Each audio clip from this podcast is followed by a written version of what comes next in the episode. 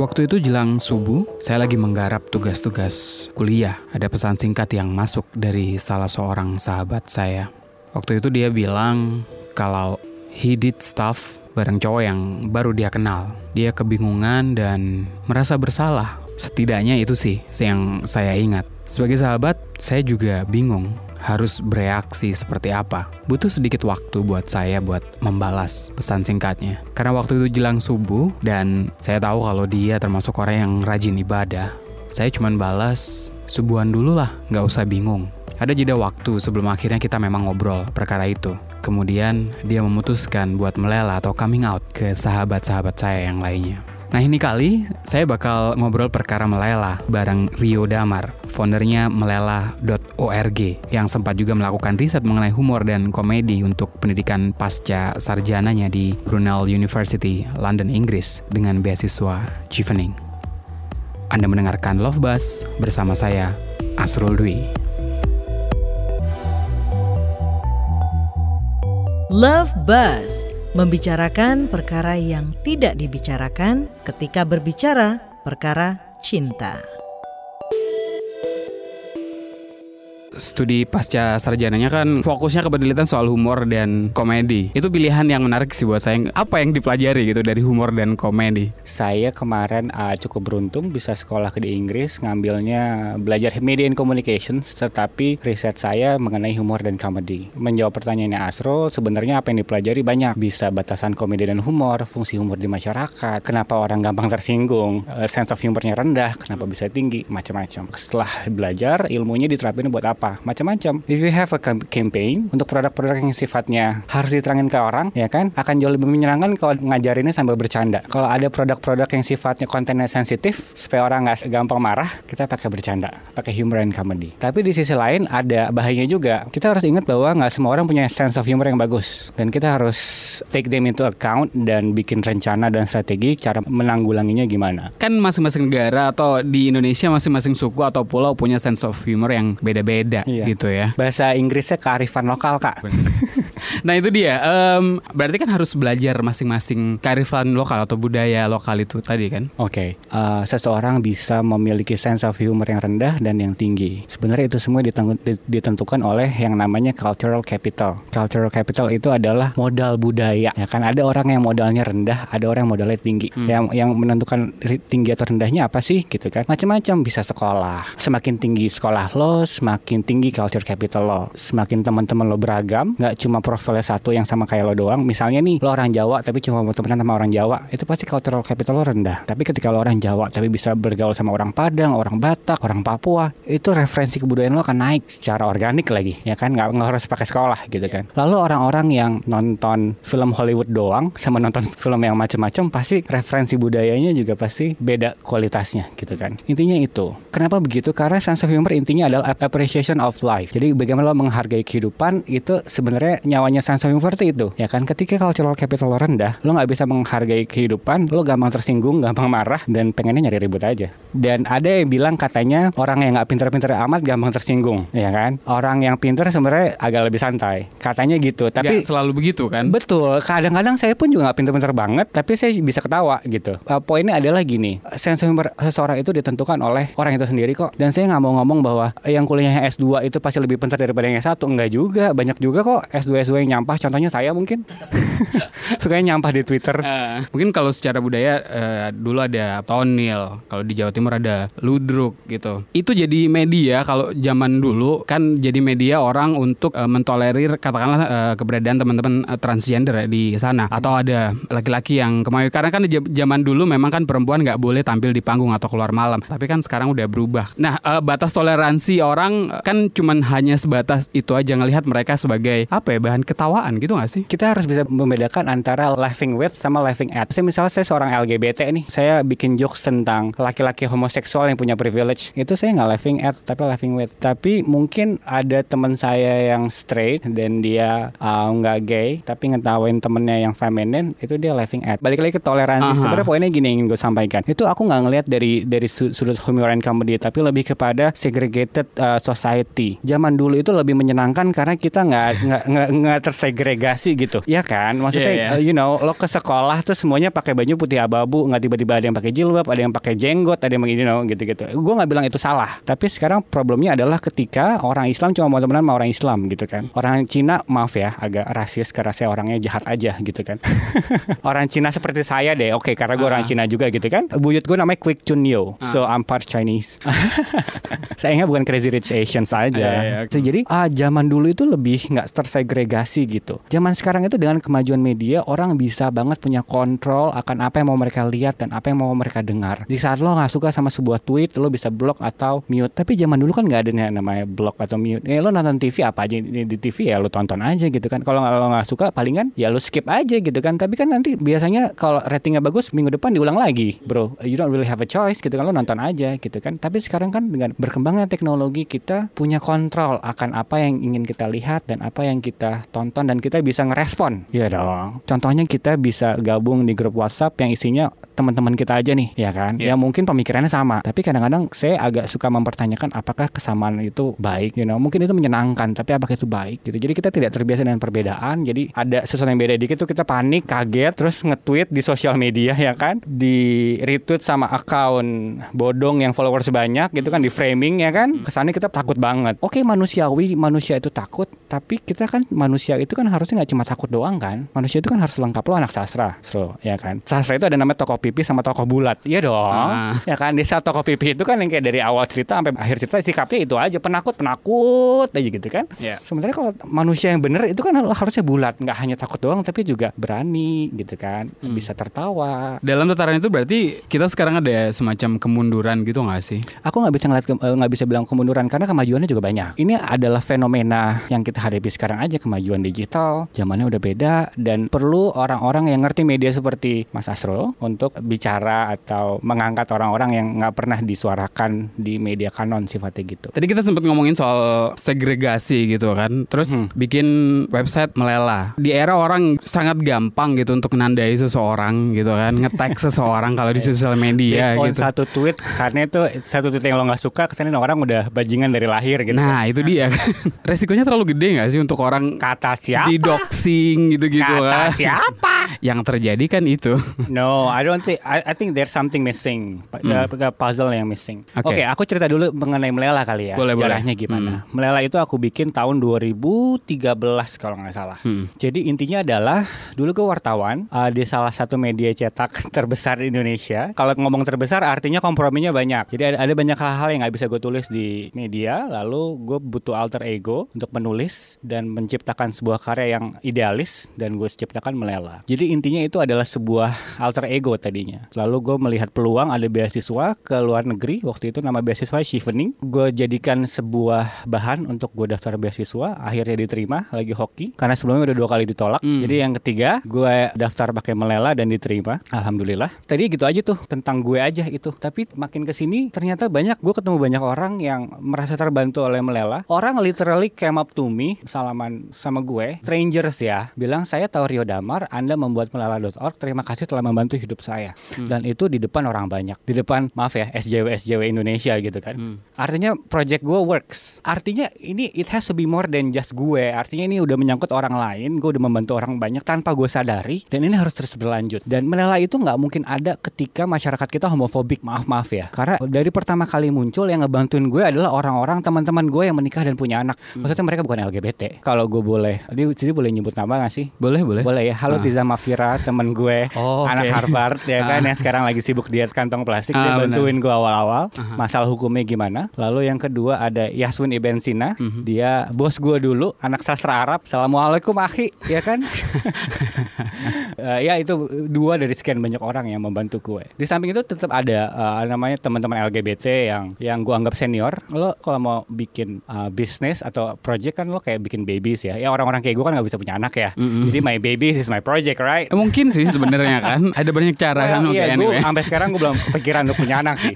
Tapi poinnya adalah untuk untuk gue sekarang yang visible adalah anak gue adalah project-project gue. So I have to take care of them. Gue harus menyikapi ini dengan serius dan lengkap gitu. Jadi Hmm. uh, inklusif gitu. Semuanya saya sertakan dengan proporsi dan konteksnya masing-masing gitu kan. Intinya adalah Melela dibantu oleh begitu banyak pihak dan yang banyak berperan adalah teman-teman yang non LGBT sebenarnya. Orang-orang yang tanda kutip dibilang normal, ya kan? Hmm. Ketawa nggak lo? Ketawa kan? Aku nggak normal jadinya nih ya kan? Iya. Apa salahnya dengan baju warna pink? Mic-nya warna pink. Iya kan? Apa ah, ini nggak normal mereka berarti kan? Dan Melela itu bisa bertahan sampai saat ini detik ini 2019 karena masyarakat Indonesia tidak homofobik. Ya homofobik juga ada, tapi yang nggak homofobik juga banyak kok. Problemnya adalah sekarang mereka nggak gitu ngomong aja karena it's not really strategist gitu kan. Dan gue juga kalau sayang sama mereka, gue mendingan kalau itu membahayakan lo, mendingan jangan deh. Sekarang konteksnya Melela itu hadir buat orang-orang nekat. Jadi ketika lo mau main aman, mendingan jangan. Nggak salah juga main aman. There's nothing wrong with Aha. that, gitu kan. Tapi ketika lo mau nekat, ayo you're my team. Ketika lo mau politically correct, jangan sama gue dulu deh, sama SJW yang lain, misalnya Hmm. gitu ya. Dan kemudian kan ini kan jadi semacam platform ada banyak tulisan di sana Betul. dengan cerita-ceritanya. Betul. gitu. Dan Mela itu fokus sampai sekarang tetap di website ya. Kita nggak punya YouTube channel, kita nggak punya studio radio secanggih KBR ini ya kan, yang pasti investasinya bermiliar-miliar. pound sterling mungkin. Karena eh, kebanyakan Melela itu audiensnya adalah kalau gue lihat dari back endnya ya, datanya itu yang ngakses itu orang-orang dari pelosok yang mereka mungkin punya kuota terbatas untuk nonton video SJW masa kini yang cerita tentang coming out, tentang Melela gitu kan, Mm. yang nggak punya pulsanya ya, you know, eh, punya pulsanya yang eh, cukup gitu. Jadi Mm. Melela itu kan website simple, cuma beberapa page kalau lo mau baca gitu kan, dan tiga menit dan itu harapannya membuat lo merasa bahwa lo nggak sendirian, lo punya teman, lo nggak bunuh diri insya Allah gitu kan, Hmm. karena sayang banget kalau bunuh diri gitu kan, karena Tuhan itu penyayang kok, maha pengasih dan maha penyayang gitu. Mm. Yang nyebelin tuh kadang-kadang grupisnya aja, entourage-nya. Mm. Ya kan, dulu kan gitu namanya rockstar beneran, nabinya sih santai bro, yang nyebelin tuh entourage-nya ya kan, Iya. Wallace aja kali nabinya gitu kan. Ah. Visibility berarti penting banget kan sebenarnya kan. Penting, that's why gue senang banget diundang sama KBR di sini karena gue misinya adalah menyuarakan suara-suara yang terbungkam. Ah, dan gue orangnya agak milih-milih kalau misalnya tampil ke media karena banyak media yang menulis tentang LGBT tapi mereka nggak ngerti bedanya sexual orientation sama apa perilaku seksual sama orientasi seksual gitu kan. Jadi kayak isinya salah kaprah gitu deh. Dan gue happy banget KBR lulus seleksi. So Oh, oke. congratulations. Terima kasih. You're one of the best man. Tapi kalau ngomong soal melela gitu, boleh cerita juga sih soal pengalaman melela Rio sendiri kayak gimana dulu awalnya? Oke, melela itu uh, sulit tapi nggak sulit. Menjadi sulit itu ketika melela itu sebenarnya harus berdamai dengan diri sendiri dulu. Kita sadar bahwa kita manusia, bukan nabi, bukan Tuhan, bukan malaikat yang punya kekurangan, ya kan? Dan it's okay punya kekurangan dan berdamailah dengan itu. Terima dulu gitu kan. Harkat lo, Hmm. ya kan? Sebagai manusia yang punya kekurangan dan berbanggalah dan berbahagialah. Ketika lo sudah berdamai dengan itu, insya Allah ke depannya udah mulai gampang nih. Ke depan itu maksudnya mulai ngomong ke orang lain kalau lo perlu, ya kan? Harus gue sampaikan dulu bahwa di Indonesia itu ada yang coming out, ada yang melela, ada yang nggak melela. Dan yang melela itu nggak bisa merasa dirinya lebih hebat dari yang belum melela. Dan gue sebagai foundernya melela.org, saya tekankan di sini bapak-bapak, yang udah melela jangan sombong, jangan so cantik say, ya kan? At the end of the day kita hanya manusia biasa kok gitu kan. Menjawab pertanyaannya Mas Asrul tadi, bagaimana Rio Damar melela? Uh, saya datang dari keluarga Jawa. Artinya kan Jawa itu all about pasif agresif, ngomong begini maksudnya begitu gitu kan. Jadi gue pengen banget kayak di film-film Hollywood gitu ya, bisa pulang ke rumah yang ngomong mom, dad, I'm gay gitu kan. kayak di film-film gitu kan. But I'm not living in a Hollywood movie. Gue orang Jawa yang semuanya harus pasif agresif gitu kan. Jadi ceritanya dulu waktu itu bokap gue dan nyokap gue ulang tahun pernikahan, uh, mereka merayakannya. Waktu itu restorannya namanya Table 8 di Hotel Mulia. Zaman zamannya kakak gue sama adik gue tuh belum kawin, belum menikah sorry. Dan zamannya SMS belum WhatsApp. Jadi bokap SMS ke anak-anaknya bilang kita hari ini makan di Hotel Mulia Table 8. Papa sudah reservasi. Anak-anaknya papa boleh bawa temannya satu. Buat orang Jawa itu artinya bawa pacar lo bro, ya kan? Ya kita anak-anaknya udah ngerti aja. Jadi kakak gue bawa pacarnya, adik gue bawa pacarnya, dan gue bawa pacar gue dong. Yang which is mungkin agamanya beda, tapi jenis kelaminnya sama. Itu masalah masih ya. kan pernikahan beda agama di Indonesia bermasalah tuh. Iya ya. No, anyway, kalau saya sih nggak bermasalah. Yang penting jenis kelaminnya sama Pak, gitu kan. ya gitu. Jadi uh, itu kali pertama mama sama papa mungkin tahu kalau anaknya beda. Dan untungnya orang Jawa, jadi tetap sopan. Ya dong. Iya, Jawa iya. kan sopan, nggak mungkin tiba-tiba borat kau gitu kan, nggak mungkin. Gebrak-gebrak meja gitu Ah. kan. Pengennya gitu sih biar drama gitu kan, suspense. Film banget dong jadinya.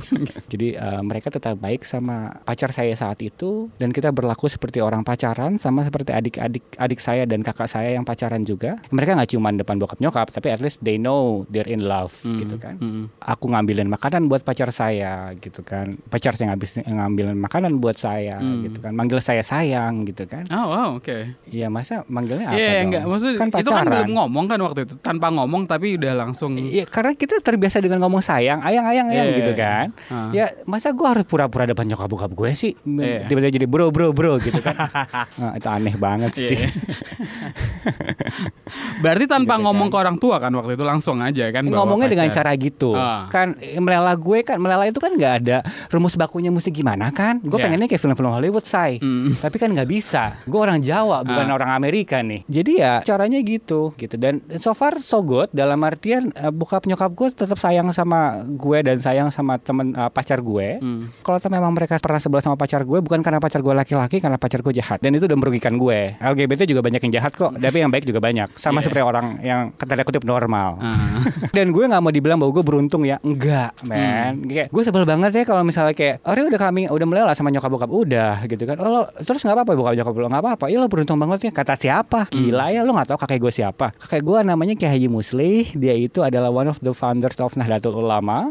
Oke. Jadi saya datang dari keluarga pesantren, makanya dari tadi ngomong assalamualaikum dan alhamdulillah dan insyaallah biar kelihatan Islam.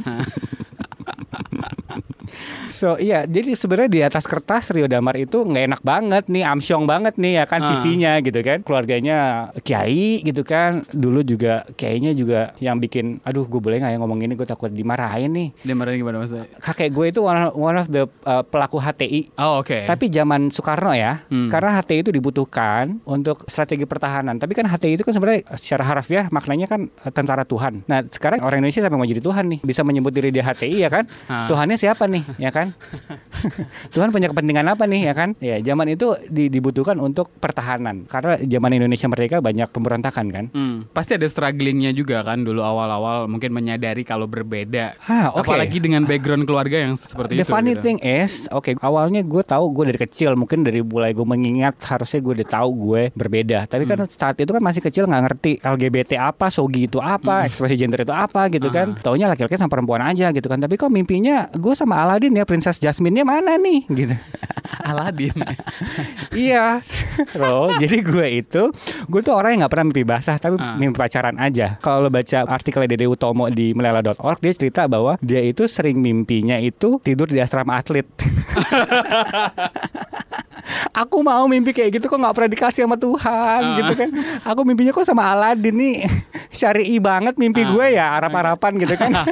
ya kan di Baghdad aja gitu gitu. Ah. Ya jadi mimpinya kayak main-main balapan permadani terbang sama Aladin gitu kan, kayak bercanda-bercanda di pa- padang pasir, lompat-lompat di atap rumah gitu kan dan Hmm. gue sayang sama Aladin dan mungkin Aladin juga sayang sama gue, tapi gue gak tahu itu namanya apa. Tapi asli di mimpi gue nggak ada Princess Jasmine ya. Mm. Adanya Rio dan Aladin cuy gitu. Iya mulainya di situ. Tapi kan buat anak kecil itu hanyalah sebuah mimpi aja gitu kan. Hmm. Ya gue taunya begitu gue bangun, gue taunya laki-laki sama perempuan dan teman-teman gue saat itu mulai pacaran dan gue pacaran lah gitu kan. Hmm. Pacaran tapi saat itu hanya untuk trying to fit in. Gue pacaran sama anak dance. Dulu kan kayaknya hits Asik. banget ya Hmm. pacaran sama anak dance, sama anak menteri gitu di love school kan gudangnya tuh anak-anak pejabat ya kan. Tapi apakah gue sayang sama mereka? Gue sayang. Tapi ketika kita ciuman dan lu minta gue gigi lima, gue nggak bisa say. Oke. Aku sayang sama kamu, tapi nggak bisa home run. Bisanya first base aja gitu kan. Terus sampai akhirnya gue kuliah di UI, lalu gue jatuh cinta dengan seorang abang Jakarta. Dia adik kelas gue by the way. Enggak, Hmm. sebenarnya kita satu angkatan sih, tapi dia masuknya agak terlambat gitu. Hmm. Ya udah gara-gara gue naksir sama dia dan dia orangnya tuh hobinya sholat gitu. Gue harusnya juga hobinya sholat kan, tapi gue malah sholat di kampus. Tapi karena dia suka sholat di kampus, jadi gue juga sholat di kampus. Oh, jadi for the sake of, ya. ah, for the sake of gue bisa ngobrol sama Ah, dia, ah, ah. Sholat di sebelah dia gitu kan, ya wudhu bareng gitu kan. Ya udah percakapan bermulai dari situ. Lalu kita dulu tuh ada majalah kampus, terus gue diminta untuk jadi covernya barengan sama si mas yang satu ini tapi beda frame. Dia sama perempuan gue sama perempuan lain juga. Cover edisi Januari dia Februari gue misalnya gitu. Tapi kita fotonya bareng. Ya mulai dari situ terus gue jadi ketawa. Aduh aku malu.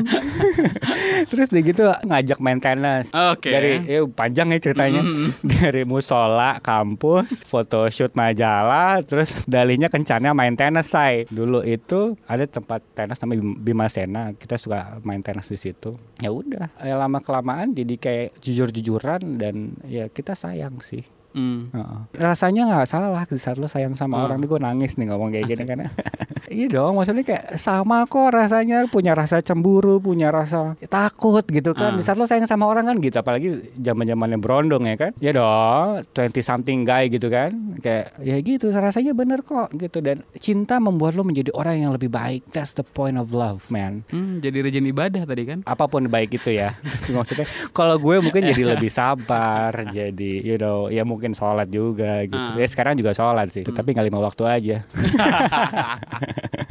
karena saya ibadahnya nggak ambisius Hmm. Balik lagi ke keluarga tadi ya, yang kiai gitu ya. Kemudian kan kalau keluarga inti menerima kan. Biasanya menerima kan sih harusnya ya kalau orang Jawa gitu kan, kayaknya kan kita nggak pernah benar-benar bebas gitu, iya nggak sih? Bahkan ketika sudah berkeluarga pun mereka kan kebanyakan orang atau keluarga Jawa kan masih ikut campur juga. Oke, kan? enggak ketika lo minoritas lo punya kecenderungan untuk menyensor diri lo, diri lo sendiri. Self censorship. Itu sebenarnya nggak sehat. Karena at the end of the day semua manusia itu sama harusnya. Nggak ada just because you're minority lo less pride gitu nggak gitu salah poinnya gini di saat nyokap gue sudah oke mereka juga oke kok jadi kuncinya adalah bokap nyokap gue bokap nyokap gue selama ini oke oke aja kadang-kadang nggak oke tapi karena pacar gue tuh bajingan bukan karena dia laki-laki waktu adik gue kawin bokap gue nanya ke gue Rio kamu uh, adik uh, adik gue namanya Adit Rio Adit mau menikah Ah. Terus gimana? Kamu nggak apa-apa? Ya nggak apa-apa lah pak. Kalau nungguin Rio nanti undang-undangnya ke- kelamaan gitu kan. Yang ada yang ada Adit nggak kawin-kawin. Bokap gue ketawa. Terus oke terus Rio gimana? Ya Rio akan baik-baik saja. Rio nggak mau nggak mau menikah juga. Menikah sama siapa? Gitu kan? Sama siapa pun nama orang yang Rio sayang. Thank you papa. Gue bilang. Tapi untuk sekarang Adit dulu deh. Ya ini bukan masalah orang Jawa kan ada totok romo yang Iya kan ditanya minta apa kan Nah, bilang kahi gitu banget. kan. Iya norak banget kan nih Adek gue nanya Mas Rio minta apa Nah, itu deh. Aku minta kamu baik sama istri kamu aja boleh nggak Aku minta kamu jadi suami yang sayang Yang mendukung istri Ya istri juga mendukung suami Tapi saling dukung gitu lah Aku aku mintanya itu Bener nih Mas Rio nggak minta jas Atau nggak minta macam-macam Jam tangan mobil apa gitu Enggak Kamu norak lo banget sih lo gue. Udah kayak akhirnya dia Si adek gue lapar lo ke nyokap gue Nyokap gue ngomong ke gue Rio nggak boleh Kamu harus minta sesuatu Waduh gila ya Ya udah apa yang bener Minta jas aja Oke udah minta jas ya, akhirnya ya udah gue dibikin jas waktu itu Kalau sekarang lagi ini nggak apa in relationship gitu nggak sih? Kenapa harus mau tahu itu? Faedahnya apa buat 3 juta pendengar lo? Rio Damar itu punya pacar apa enggak? Kalian ada yang lamar nanti enggak ya? Intinya poinnya gini, gue masih mainan Tinder, gue masih mainan Grinder. Jadi kalau mau ngajak ke date, tegur aja. Itu kan jadi salah satu cara yang paling gampang gitu nggak sih sekarang untuk ketemu orang dan lebih aman, iya nggak sih? Antara iya dan tidak. Kalau gampang, sedihnya gampang itu ada ada nggak enaknya. Easy come, easy go. People become very disposal di Grinder atau di Tinder, right? Hmm. ya kan? Padahal manusia itu bukan tisu toilet yang bisa habis lo pakai lo buang, tapi teknologi membuat manusia jadi seperti itu. Dan we have to aware of that. Dan nggak boleh baper. Banyak kan orang-orang yang baper sama Grinder karena mungkin mereka nggak berjaya gitu. Ya gue juga pun ditolak kok. Maksudnya kayak ya maksudnya gue nggak ganteng tapi gue juga nggak jelek. Sebenarnya yang menentukan itu profile picture lo kok jujur apa enggak. Sebenarnya sering dibully dan di you know kadang-kadang orang juga suka jahat di Grinder ya. Yang dibully itu yang suka bohong-bohong gitu loh. Yang kadang-kadang gue juga ngebully orang karena dia pakai profile pakai muka gue untuk profile picture-nya. So far gue di Indonesia kayak baru berapa lama nih kayak mungkin eh, Berapa hari?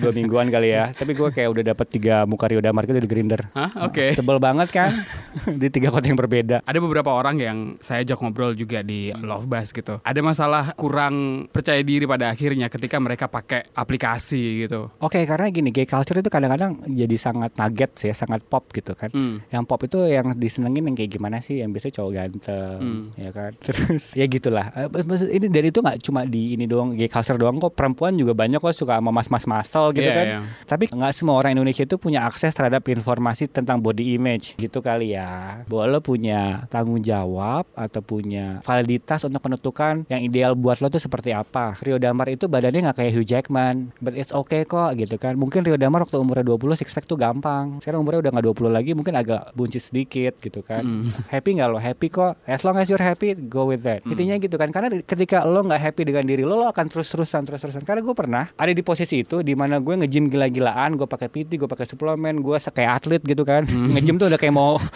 mau ada olimpiade besok besok gitu kan. Ah. Tapi di saat gue melakukan itu, in the very core of my motivation adalah I hate myself. Aha. I hate myself when I look into the mirror, man. Dan itu motivasi gue untuk tetap harus nge-gym, tetap harus balik lagi latihan karena di saat gue ngeliat tuh shoulder gue nggak bener nih, terus uh, perut gue nggak bener nih, chest gue nggak bener nih gitu kan. Itu nggak sehat. Jadi sekarang gue kalau misalnya nge-gym dan pakai PT, semua body goals itu itu, jadi targetnya PT gue, bukan punya gue. Gue cuma mau nge-gym karena itu it makes me happy. Gue seneng perasaan setelah nge-gym. Eh, well, uh, exercise create endorphin and endorphin makes you happy, Hmm. right? Sekarang mungkin udah nggak six pack lagi kayak dulu nggak apa-apa kok. Berarti pada satu titik juga ngerasa ada semacam penolakan gitu juga ya di teman-teman apa komunitas G katakanlah karena Karena semua orang enggak sebenarnya semua orang kok di, di eh, di komunitas feminis juga gitu kok perempuan sama perempuan berantem biasa kan. Nih Hmm. ini di LGBT juga perempuan sama perempuan tapi beda aja castingnya gitu kan. Itu maksudnya adalah berantem itu satu berantem adalah satu hal yang biasa Hmm. gitu. Jadi dan kadang-kadang berantem itu bisa mendewasakan lo atau juga bisa mengkerdilkan lo. Krisis can make you or break you. Lo mau yang mana gitu kan? Kalau sekarang nih diskusinya sampai di mana sih kalau kita ngomongin soal komunitas LGBT IQ plus gitu di Indonesia. Ada banyak orang yang kan di sisi lain memperjuangkan paling enggak mereka punya hak yang sama gitu kan. Wah ini di situ. orang pada umumnya gitu ya. Mhm. Orang pada umumnya berarti nggak umum dong. Anyway, tapi ya gitu. Dibahas lagi, Eh, dasar anak sastra. Sebenarnya permasalahan itu tuh aja kok. Hmm. Tapi aktornya aja beda. Kalau kata Whitney Houston tuh same script, different cast. ah, Masalahnya sama, tapi orang-orangnya aja beda. LGBT tuh permasalahan itu aja loh. nggak pernah maju gitu berarti. Bukan ya. nggak pernah maju, bro. Tapi yang maju ya udah maju. Tapi kan, Ah. you know, dari itu mereka akan punya masalah baru lagi gitu kan. Hmm. Tapi gini, uh, gue itu adalah salah satu orang yang nggak malu mengakui bahwa gue suka ke Atlantis. Jadi dulu itu di Kelapa Gading ada Roman Bath. Uh, itu gym dan pemandian umum buat cowok. Tapi digerebek karena LGBT, pesa seks apalah gitu-gitu kan. Hmm. Tapi buat gue itu adalah safe zone, area aman. Area aman itu penting. Kenapa? Karena gue biasa, lu kan orang media ya. Media itu ada offline sama ada online dong. Iya. Iya dong. Gue online-nya kan melelak tuh. Tapi kan Hmm. gue juga butuh offline-nya dong. Di situ gue bisa ngobrol sama orang-orang LGBT. Lu tuh yang lo takutin apa? Masalah lo apa gitu kan? Karena ngobrol di disco gay club nggak bisa bro. Joget orang nggak ngobrol ya kan? Kalau di Roman Bath ada kolamnya, ada jacuzzinya gitu kan. Kita pakai baju berenang, by the way kita pakai swim gitu kan, pakai speedo, nggak telanjang, mohon dicatat. Ngobrol gitu. Jadi gue tahu. Jadi uh, konten gue relevan dengan apa yang terjadi di lapangan. Ketakutannya macam-macam, tergantung tren sih. Ada orang yang ketakutan takut nggak dapat kerja ketika dia coming out. Padahal sebenarnya tergantung perusahaannya sih. Perusahaan-perusahaan bagus itu harusnya menghargai siapa pun lo, ya kan? Selama lo nggak ganggu orang lain. Selain berdamai dulu dengan diri dan menerima tadi ya, apa sih yang perlu Ah. dipikirin orang kalau dia mau coming out? Kalau misalnya di melela.org itu ada ada namanya FAQ frequently asked questions ya. Itu menjawab tentang itu. Yang pertama adalah keselamatan. Dan kira-kira lo ngomong kayak gini perlu apa enggak? Dan gunanya buat apa? Kalau gue sendiri gue akan menjadi semakin lantang ketika lingkungan gue homofobik. Jadi gue ada grup WhatsApp yang tiba-tiba Allahu Akbar gitu ya ngomongannya dan ingin merajam kaum kaum umat-umat kaum nabilus seperti gue gitu ya. Dan mereka nggak tahu gue tuh siapa gitu ya. Ya udah gue juga Allahu Akbar di situ. Tapi pakai pelangi. Allahu Akbarnya. Kalau gue gitu. Jadi semakin gue di, dilawan gue akan semakin lawan balik. Tapi berantem nggak enak bro Iya, dan ya nggak kan punya eh, dan nggak semua orang punya keberanian semacam itu. senekat gue Iya, karena emang nekat, sekarang oke. dibutuhkannya orang-orang nekat aja Ah. gitu kan ya nggak apa-apa nggak Ah. apa-apa juga tapi kan gue karena orang nekat aja gue nggak takut meninggal kalau taruhannya nyawa gue nggak takut karena gue insya Allah gue dosanya banyak tapi pahala gue juga banyak yang menilai gue adalah Tuhan bukan grupisnya bukan Habib siapalah gitu kan Ustadz siapalah gitu kan Mm.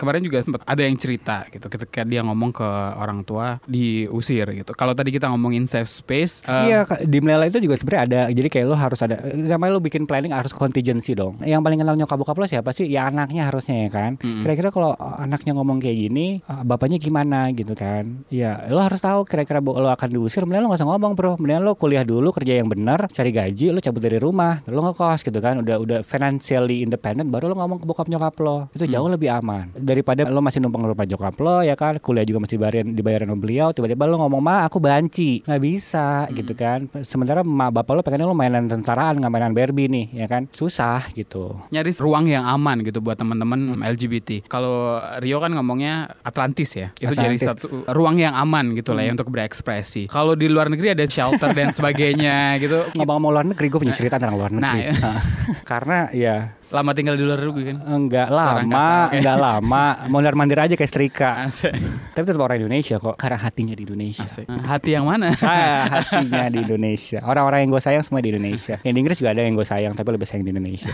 safe space itu nggak cuma LGBT doang, tapi semua orang membutuhkan safe space gitu kan. Iya. Di luar negeri misalnya gini, gue itu agak lumayan lebih religius kalau lagi di London. Gue sholatnya lebih lima waktu. Enaknya gini, karena gue sholat Jumat di London gitu ya. Terus eh, khotibnya tuh cerita tentang apa gitu ya. Terus itu, itu inspiring banget dan membuat gue jauh lebih pintar dan bikin gue penasaran. Jadi abis sholat Jumat gue ke perpustakaan nih di London. Ada beberapa masjid yang khotibnya bagus. Gue kalau sholat Jumat tuh gue bawa catatan bro. Oh wow. Jadi itu nanti key message-nya gue cari ke perpustakaan ini ngomong apa sih dia sebenarnya konteksnya apa sih gitu kan. Di Indonesia ceramah-ceramahnya bukan yang nggak bagus, yang bagus juga ada kok gitu kan. Tapi kan masih terpaku pada mana halal mana haram gitu kan. Yang sebenarnya menentukan halal atau haram lo lo kok diri kita sendiri gitu kan. Kan yang beragama kita gitu kan. Menurut Rio bi- minum bir itu halal apa haram? Haram. Tapi kalau nggak minum bir lo mati lo gimana? Di Inggris bir listrik mahal kak. Iya. Mau nggak mau saya minum bir aja biar anget. Dan bir murah kan. Iya, Tapi kan iya. saya tahu kapan harus berhenti minum bir Mm-mm. dan bertanggung jawab gitu kan. Jadi di di London itu suka banyak pengajian. Pengajian itu adalah safe space buat orang- orang-orang Indonesia untuk ngomongin tahun ini mau kurban apa dan di mana tanpa disangka lo lagi animal slaughter. Mm. Ini nggak maksud gue. Intinya adalah karena kita sama-sama ngerti ini bukan animal slaughter, ini kita mau ibadah, mau kurban gitu kan. Ya you know, jadi ya nggak akan dijudge macam-macam.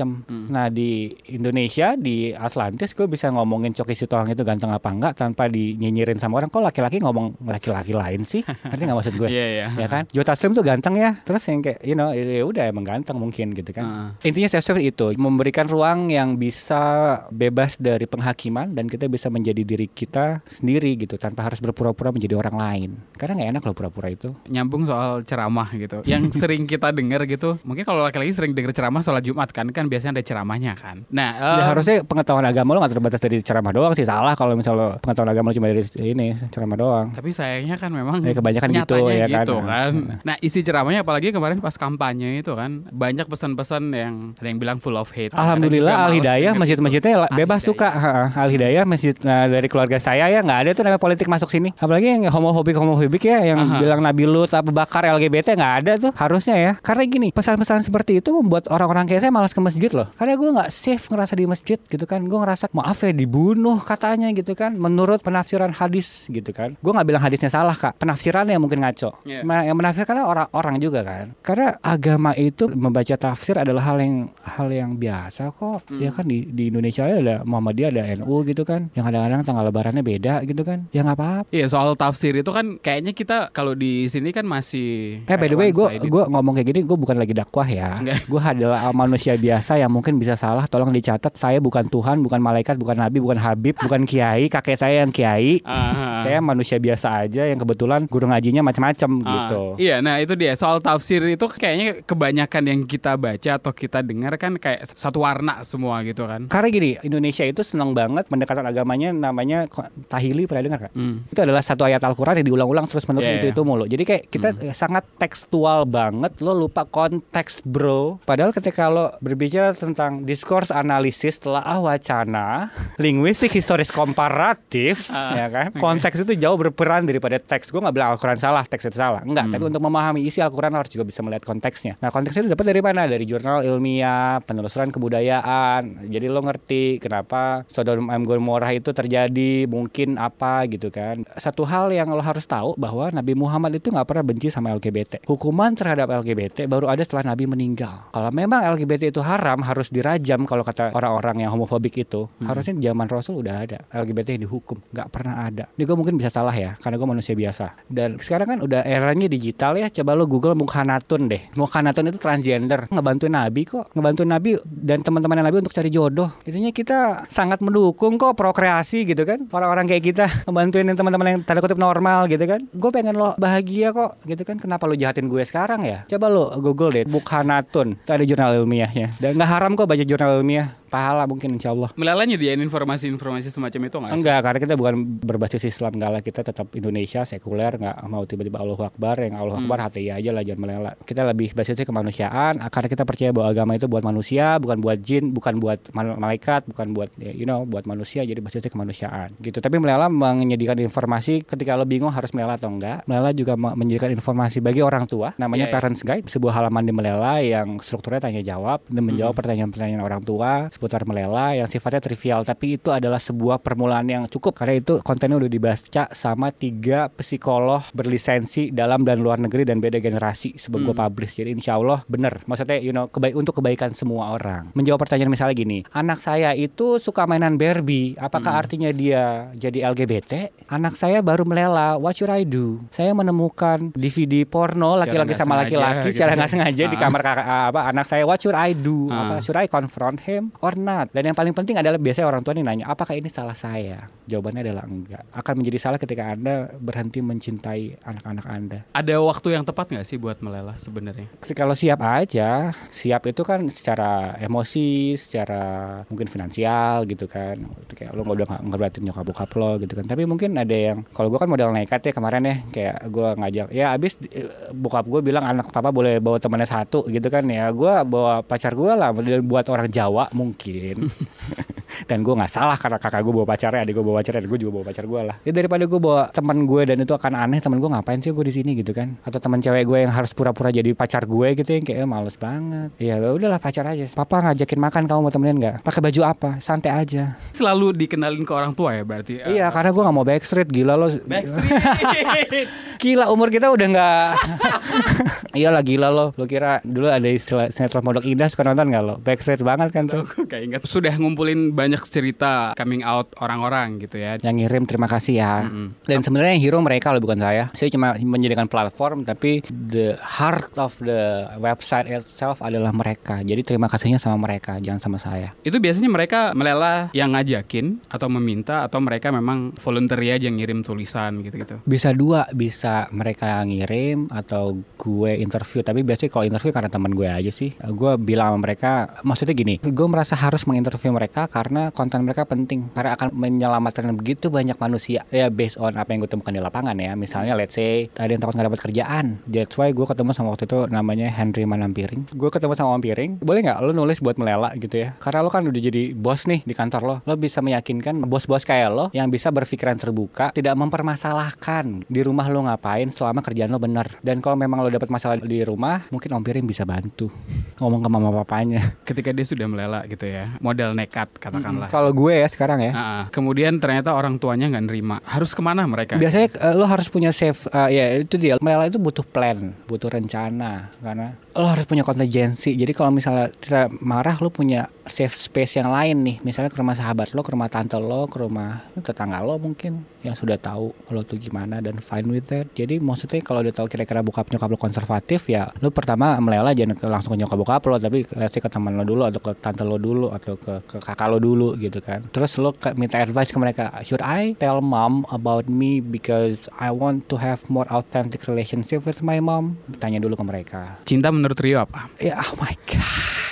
Intinya gini, kalau menurut gue cinta itu oke orang itu ribut ribut di dunia ini ya. Sepanjang sejarah perkembangan manusia peradaban ya banyak perang besar. Dan perang besar itu cuma alasannya dua kok. Bisa disimplify jadi dua alasan. Who's in charge? Sama yang kedua do you love me? Lo lihat sejarahnya Napoleon perang di Mesir raja-raja dulu. Jadi cinta adalah sebuah kekuatan yang besar dan harusnya baik ya kan? Cinta itu bisa dipakai hal- yang baik bisa dipakai buat yang jahat atau yang baik. Kalau gue sih menggunakan cinta sebagai hal yang baik ya. Jadi menurut gue cinta itu sesuatu yang bisa membuat lo jadi manusia yang lebih baik. Ketika itu lo udah nggak baik itu bukan cinta menurut gue. Itu ego. Itu Oke. insecure